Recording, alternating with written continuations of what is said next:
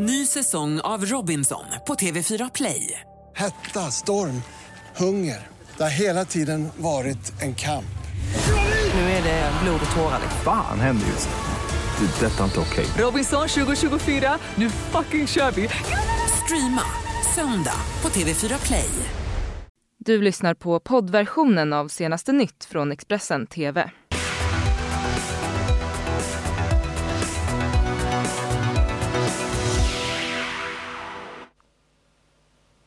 God morgon, det här är senast nytt eh, den här 17 januari och det här är våra rubriker. Grannar i chock efter misstänkta dubbelmordet i Vallentuna kan ha varit ett rånmord. V-profilen Rosanna Dinamarca förnekar uppgifterna om att hon vill ta över som partiledare. Och hotet från polarvirveln kan bli vinter in på våren.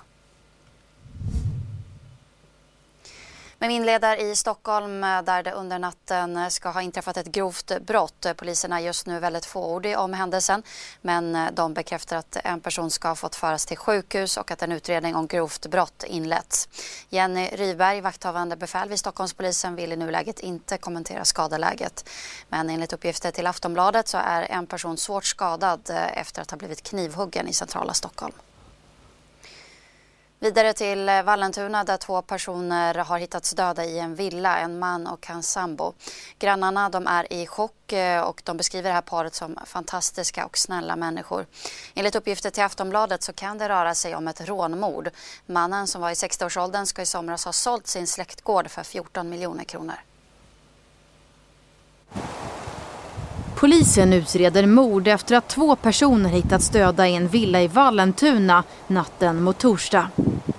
Det var efter att polisen larmats om en försvunnen person vid sextiden på onsdagskvällen som de åkte ut till villan. Väl där finner de en man i 60-årsåldern och hans sambo döda inne i huset. Enligt en källa till Aftonbladet tyder mycket på att det rör sig om ett rånmord. Enligt källan ska minst en av personerna ha skjutits till döds och vapen ska ha hittats i huset. Mannen i 60-årsåldern ska enligt dokument som Expressen tagit del av nyligen ha sålt delar av en släktgård för totalt 14 miljoner kronor. Mannen ska också ha bedrivit en enskild firma. Enligt en granne som Expressen pratat med ska det ha varit oroligt i området den senaste tiden med bilar som kört förbi. Paret beskrivs av närstående och grannar som vänliga och snälla. Jag har pratat bland annat med en person med väldigt nära band till Eh, till de som dött här inne och eh, som beskriver de här personerna som två fantastiska människor, eh, helt underbara personer och som var djurvänner och väldigt vänligt inställd till alla. Även pratat med en granne som också beskriver här som vänliga människor och som var bra grannar som aldrig gjorde något märkligt överhuvudtaget. En stor polisinsats inleddes under natten och fortsatte under torsdagen i Vallentuna.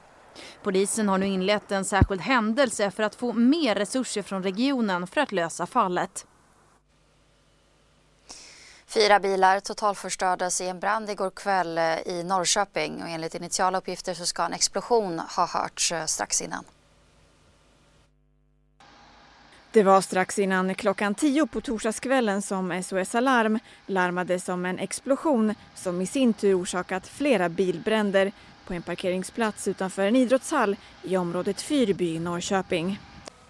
De initiala uppgifterna om att en explosion ska ha orsakat branden tillbakavisas av polisen som säger att det kan ha rört sig om ett bildäck som exploderat. Det finns inga uppgifter om att någon skadats i branden.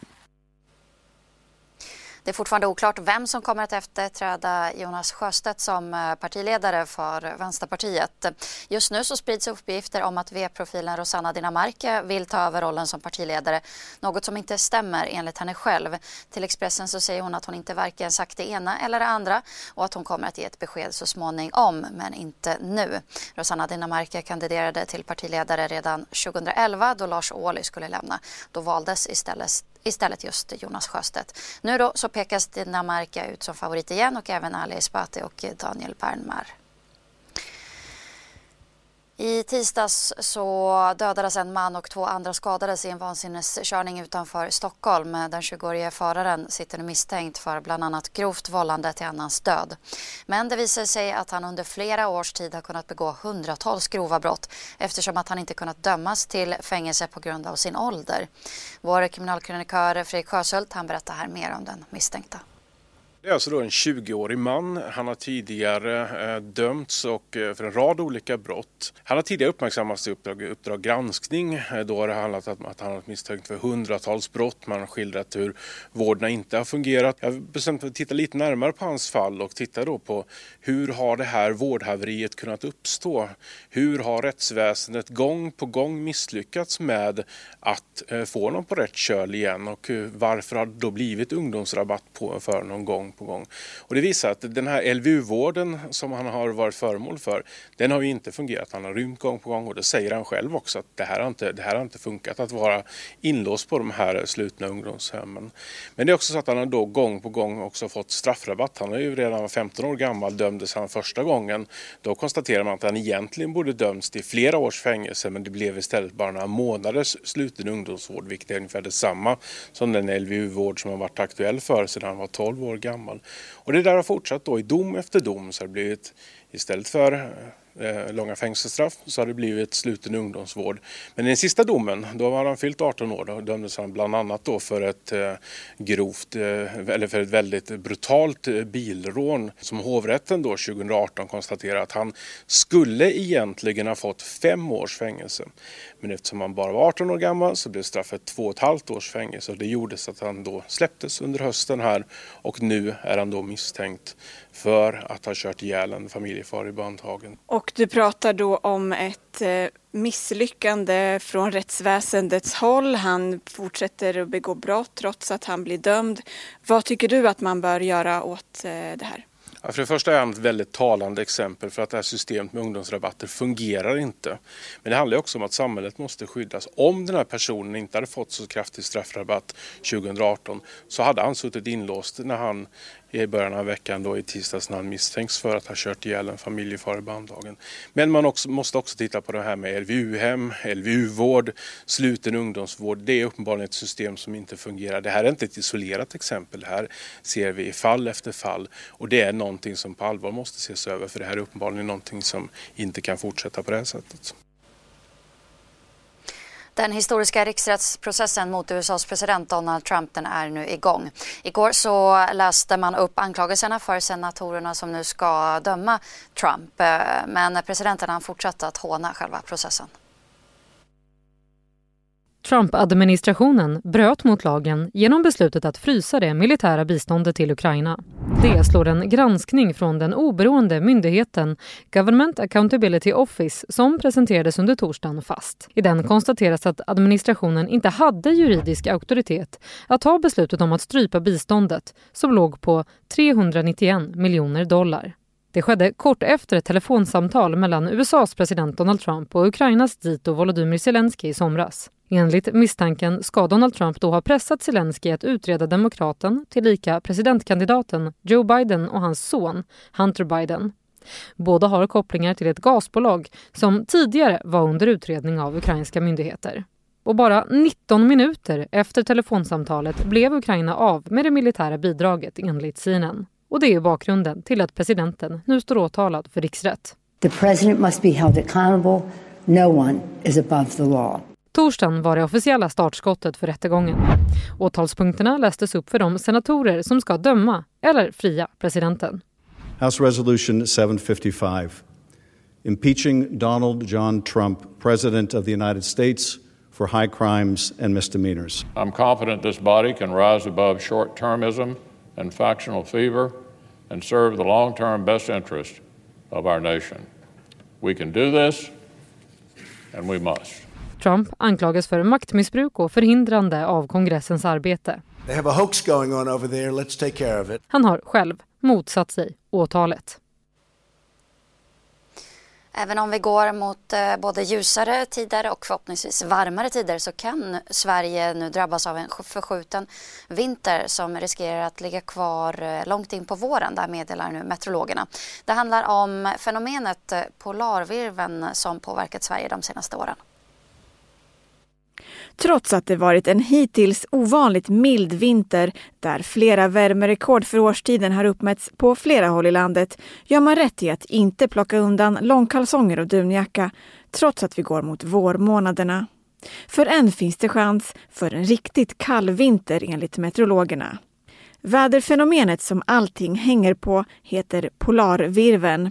Ett lågtrycksområde med kall luft som ligger i den så kallade stratosfären på 25 till 30 kilometers höjd över syd och nordpolen. Så länge polarvirveln är intakt kan vi fortsätta räkna med milt väder, men om virveln brister rinner kall luft söderut och vi kan räkna med en köldknäpp. Något som skett de senaste åren när kylan dragit in över Sverige sent på vintern och stannat långt in på våren. Något som alltså kan ske även i år. I nuläget är det svårt att få en prognos om polarvirveln kommer att brista eller inte. Men i nuläget finns det ingenting som talar för att vintern är på gång, åtminstone inom den kommande veckan. De regerande mästarna Danmark de har ju åkt ur handbolls-EM. Bra besked för det svenska landslaget som ikväll möter Portugal som står för motståndet. Men vad vet spelarna om just Portugal och vad talar då för att Sverige tar sig vidare från mellanrundan? Det är Portugal som väntar på fredag. Vad vet du om dem? Eh, jag vet att de eh, har gjort ett väldigt bra mästerskap hittills och sett dem några matcher innan i kval. De har slagit Frankrike och sådär också. De spelar mycket 7 mot 6 som även Schweiz gjorde. Så jag tror att det kan ändå passa oss rätt bra så länge vi löser det på det sättet vi gjorde då. Så jag tror att Portugal är en bra motståndare för oss. Nej, det är en uppåtgående eh, nation som har gjort det bra.